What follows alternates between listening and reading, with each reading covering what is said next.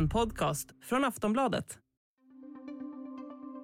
Jul och nyår har passerat, vi har gått in i 2023 och kriget i Ukraina fortsätter. Efter att president Zelensky besökte USA och president Biden strax innan jul så sa Putin att den så kallade specialoperationen ska fortsätta och att det inte finns någon gräns för vilka summor man är redo att investera i kriget för att uppnå sina mål. Och fortsätta, ja det gör striderna.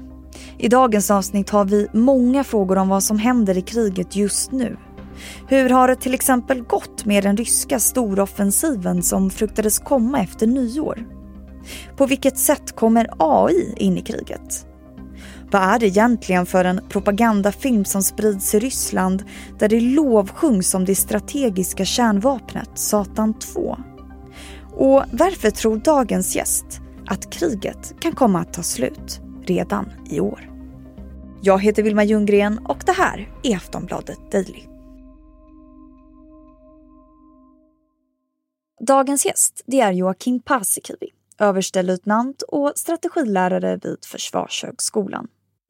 Han får börja med att berätta om det viktigaste som hänt i kriget den senaste tiden.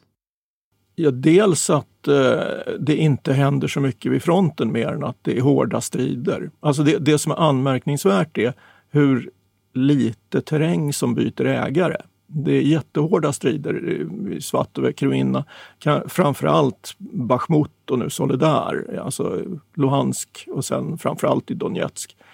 Eh, och hur ryssarna kastar in människor som bara förbrukas. Eh, ligger driver med lik framför de ukrainska linjerna. Det finns oerhört otäcka bilder om det. Och sen eh, så är det den strategiska bombkampanjen förstås. Alltså de fortsatta ryska bombningarna som kommer där vid jul och de större högtiderna.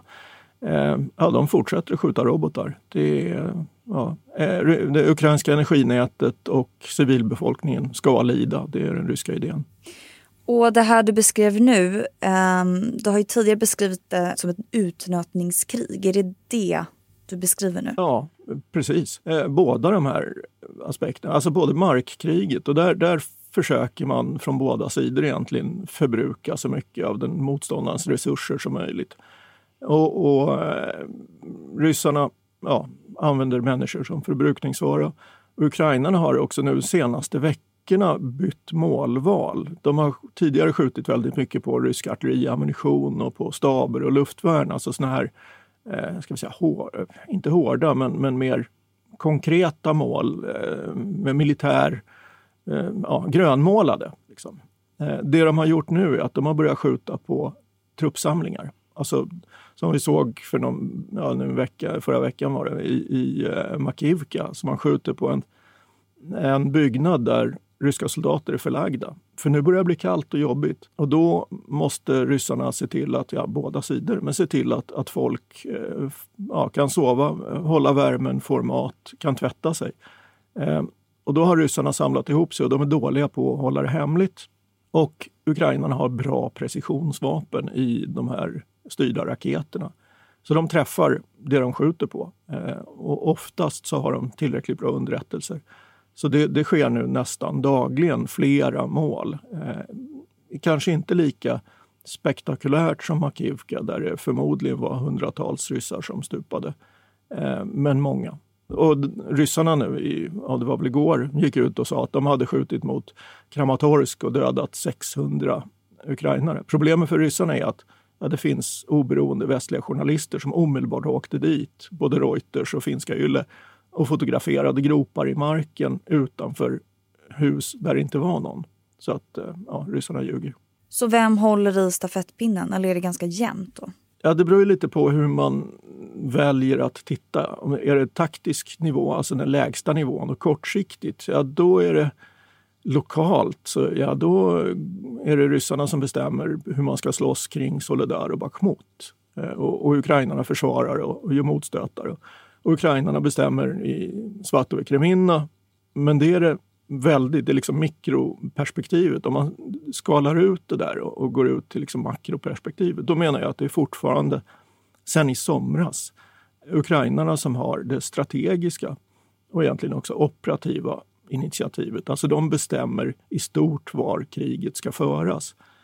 Eh, och jag tror att ukrainarna kommer att gå på offensiven. Sen om det sker i vinter eller i vår, det är en annan sak. Men jag tror inte att ryssarna liksom bestämmer var man ska slåss. Så att, eh, ja, min uppfattning är att ukrainarna har det strategiska övertaget. Mm.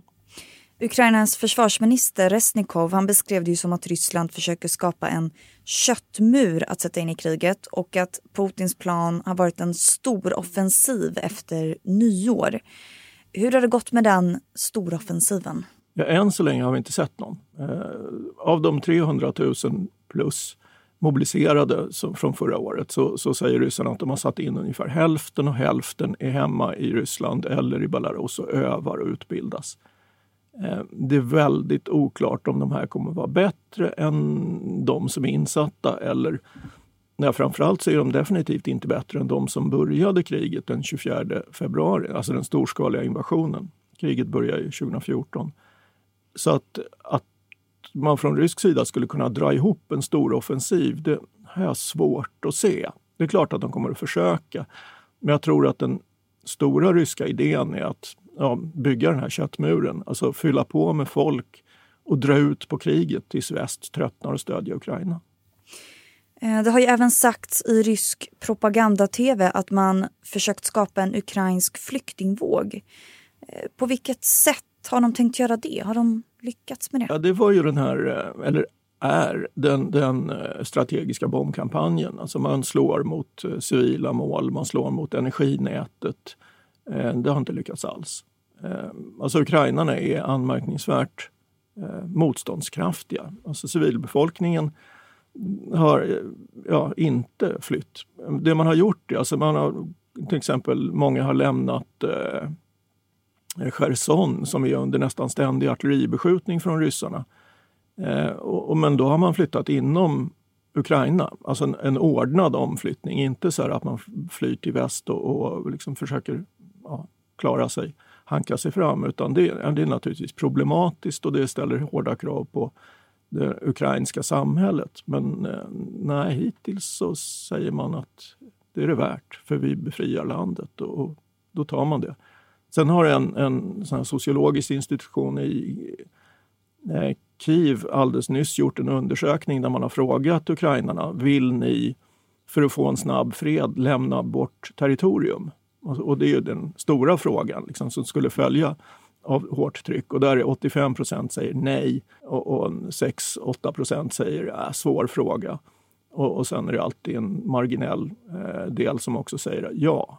Men, men alltså, stor majoritet som verkligen inte vill påverkas av, av umbäranden eller ryskt bombardemang.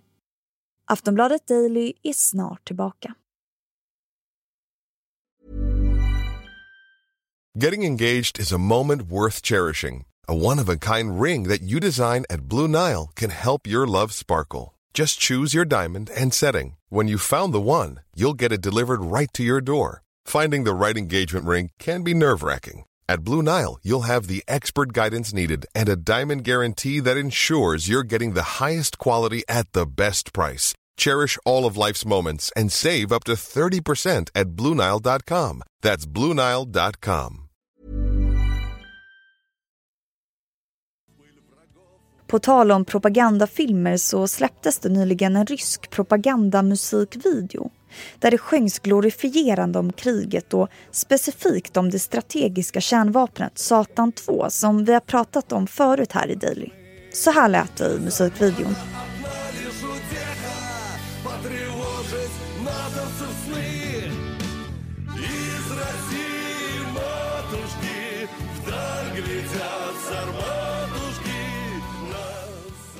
Vi går tillbaka till Joakim Paasikivi och hör vad han har att säga om den här låten. Och hur ska man tolka den egentligen? Alltså det, det är fullständigt groteskt med den här någon slags schlagersångare med, med en rysk militär orkester och kör som förhärligar strategiska kärnvapen som om det vore... Alltså, det är svårt att tänka att Kikki Danielsson eller någon annan skulle göra motsvarande. Ehm, Alltså alla de ryska truppslagen och, och såna här brukar ha, alla militära förband har egna marscher och såna här saker. Eh, och, och ryssarna har ju haft olika typer av kampsånger och sånt där. Men det här är ju något alldeles liksom speciellt groteskt när det är ja, någon, någon slagersångare i låtsas, eller utklädd i uniform som står med en kör i uniform bakom sig och sjunger om strategiska kärnvapen som ska utradera miljoner människor. Ehm, ja, det är något särskilt liksom, ryskt och nordkoreanskt över det där. Det är svårt att riktigt ta in. Det går inte helt att jämföra men Ukraina gjorde också en film under julen där en sån HIMARS-raket var klädd i tomteluva och julbelysning. Ehm, men vad skulle du säga att såna här filmer betyder för konflikten och stridandet? Ja, att försöka hålla modet uppe på sin egen sida. Den, den ryska riktar sig nog väldigt mycket mot egen publik. Eh, ukrainarna tycker jag där har varit lite smartare för de går på både liksom, internationell publik men också på ryssarna i den mån som ryssarna ser dem. här. Eh, efter att den här HIMARS eh, vagnen kom i, i, med, med ljusslingor och sånt och sköt och den här soldaten i tomteluvan framför så har det också släppts ett videoklipp där det står en ukrainsk soldat som har eh, ja, det är mörkt ute, han har en HIMARS eh, pjäs bakom sig. Eh, och han har då nedre ansiktet täckt av någon bandana och sen har han eh, skyddsglasögon och hjälm och, och alltså riktigt kittad, man ser inte och pekar in i kameran och säger jag heter kapten HIMARS. Och så riktar han sig direkt till de ryska soldaterna. Säg var era eh, ammunitionslager och staber finns så skjuter vi inte på er soldater. Så att man utnyttjar det här propagandainstrumentet på ja, lite olika sätt här. Eh, och, och eh, ja, helt annan typ av produktion. Alltså ryska produktionerna är, är eh, glassigare, snyggare sådär liksom. Mm. Men helt bisarra. Och där visas de väl på statsägd tv? Ja visst, massa olika kanaler, inte minst tv.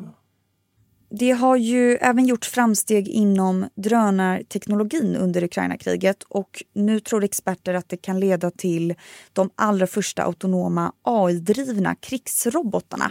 Hur skulle det se ut? Ja, till del så har man ju använt AI redan, alltså för att minska eh, tiden från målupptäckt till verkan. Eh, och en sak som man har använt dem till det är klassificering. Det är svårt att hitta eh, fordon och, och eh, befästningar som ja, är, i skyl, alltså man inte ser så bra. De är i skogen eller under maskeringsnät. Och där kan, vilket finns filmklipp på, eh, AI då hjälpa till att klassificera. Så ja, de flyger över ett skogsparti och så kommer det plötsligt en ruta där det står eh, T72. Och, och, så tittar man på filmen och så ser man, jaha, okej, okay, ja kanske. Och sen någon annan vinkel, så jo, men det är en stridsvagn där. Eh, så på den, det sättet har man redan använt det. Frågan är då, kommer man att gå så långt att man, sätter, man skickar ut de här loitering munitions, det som heter patrullrobotar, alltså självmordsdrönare, och att man inte har någon människa med i, i beslutsfattandet utan man skickar ut dem så får de kretsa över ett område och sen gå mot mål. Eller den typen, alltså helt autonoma. Eh, ja, då blir det en, tekniskt är det nog snart, eh, om det inte redan är helt möjligt. Men det är väldigt mycket diskussion eh, så professionellt om, om ansvarsdelen. Vem blir ansvarig? Är det den som har gett orden eller är det programmeraren? Alltså massa problem kring det här. Men det kommer att komma. Det tror jag är alldeles klart. Eh, utan det, det, är mer en, en eh, kostnadsfråga. För att det är också så att i Ukraina skjuts drönarna ner i jättehög omfattning. Alltså de, de överlever inte längre i luften och, och då, ju dyrare de är desto färre får man. Liksom. En fågel har viskat till mig att du tror att Ukraina kan vinna kriget hyfsat snart ändå. Stämmer det? Ja, men jag tror det. I, i år, tror jag. Det I finns. år? Ja, och eh, sen, sen har jag inget, eh, vågar inte liksom köpa biljetter till segerparaden. Eh, den Nej. vet jag inte riktigt när den kommer. Men jag tror att det fönstret för en ukrainsk seger i år är rimligt. Eh, ska vi säga, ja, man har en rimlig chans i alla fall. För de två huvud alternativen om man hårdrar det, det är seger i år eller väldigt långt krig. Och, och seger i år, just nu talar det för eh, till Ukrainas fördel att stödet är jättestort. De får nu ytterligare stridsfordon från Frankrike, Tyskland, USA. Och för varje sån här ska vi säga, materielpaket så har det blivit mer kvalificerade saker. Ehm, även för markstrid. Så det de väntar på är kvalificerade västliga stridsvagnar. Och det är inte omöjligt på något sätt. Debatten flyttas i Europa och USA åt det hållet. Och Ukraina behöver framgångar på samma sätt som Charkiv och Cherson-offensiven. Och det är inte omöjligt att de får det om de sätter igång. För sen blir det svårt. För den ryska idén, som tror jag ju är att dra ut på kriget. Och, och lyckas ryssarna och få det att stå still, ja, då kommer väst att tröttna efter ja, nästa år någon gång, tror jag. Mm. Och det är en risk för Ukraina. Inte så att Ryssland vinner, utan bara att det blir en ytterligare en sån här liksom, frusen konflikt eller en ljummen konflikt som vi såg sedan 2014. Alltså skjuts hela tiden, folk dör men inget händer. Vad tror du kommer hända härnäst då? Ja, frågan är om det blir en vinteroffensiv från Ukraina eller en våroffensiv från båda, eh, men mest Ukraina. Eh, och jag vågar inte riktigt gissa. Det enda är att det vore olämpligt att börja precis i lersäsongen när tjällossningen är någonstans i, på vårkanten. Eh, men jag tror att Ukraina gärna skulle vilja gå fram både i, mot Luhansk längs den ryska gränsen och skära av underhållet till de ryska förbanden i Donbass och gå ner i Zaporizjzja mot eh, Tokmak, Melitopol, Berdjansk, alltså rakt söderut ner till kusten av Sovska sjön och skära av underhållet till de ryska förbanden i Cherson och isolera Krim och sen skjuta på Kershbron också, alltså Krimbron. För då har man skapat riktiga problem för ryssarna. Eh, det är jättesvårt. Stora avstånd, ehm, stora trupper eh, på båda sidor. Ehm, men inte omöjligt tror jag. Du har lyssnat på Aftonbladet Daily med Joakim Paasikivi, överstelöjtnant och strategilärare vid Försvarshögskolan och med mig, Vilma Ljunggren. Vi hörs snart igen.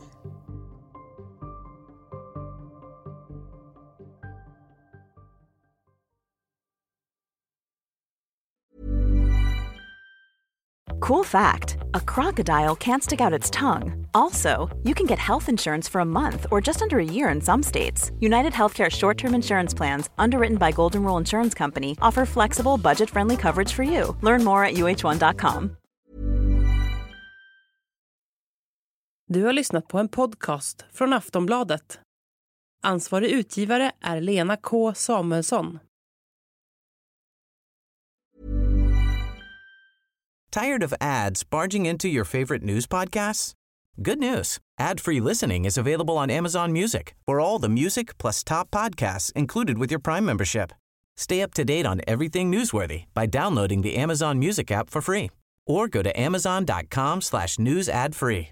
That's amazon.com slash news ad free to catch up on the latest episodes without the ads.